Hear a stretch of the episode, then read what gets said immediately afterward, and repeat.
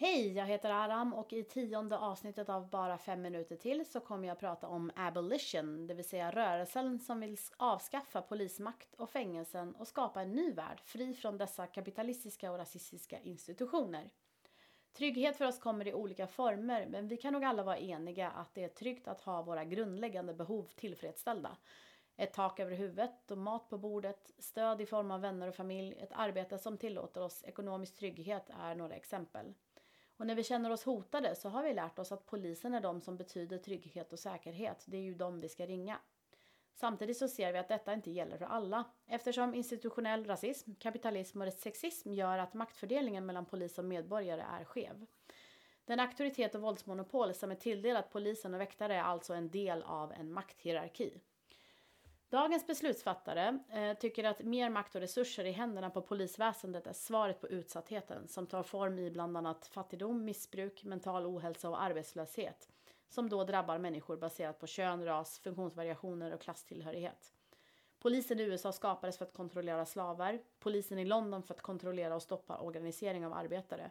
Det vill säga, det skapades helt enkelt för att skydda kapital över människoliv.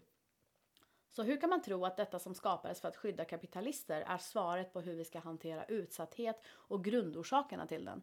Det är alltså samma personer vi ska lita på och känna oss trygga med som sedan är del av svenska väktarbolag och poliser i privata grupper på sociala medier som är uppenbart rasistiska, sexistiska, transhatiska, nazistiska och högerextremistiska.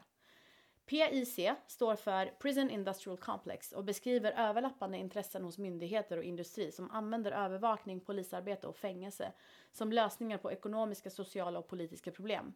PIC både livnär sig på och upprätthåller förtryck och ojämlikheter genom straff, våld och kontrollerar miljontals människor. Det är inte en slump att majoriteten av fängslade personer globalt också är personer som lever i fattigdom.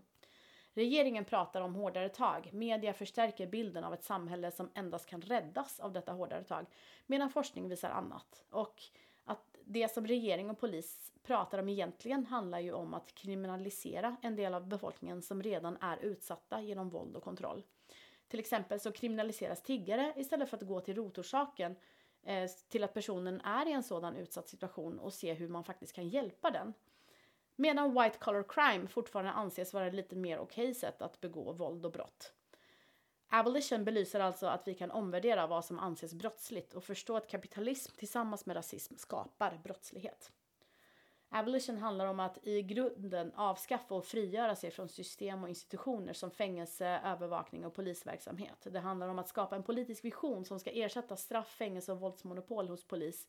Som det ska ersättas med trygghet, gemenskap och tillit, det vill säga kollektiv, relationerna vi har med varandra och de sociala kontrakt vi har oss emellan som inte är påtvingade av en makthierarki som det är mellan polis och medborgare.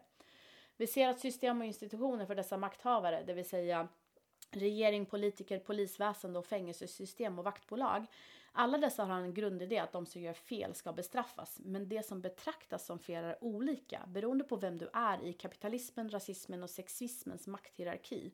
Konsekvensen blir att de som straffas och kriminaliseras redan är utsatta, så det blir en slags organiserat förbrottsligande av redan sårbara personer. Det här är också varför det är viktigt att förstå hur prison feminism, det vill säga fängelsefeminismen, där man också hävdar vilja ha hårdare tag, är en del av vitfeminismen som jag pratat om tidigare. De efterlyser alltså ett system som aktivt arbetar för att försvåra trygghet för de som redan är marginaliserade.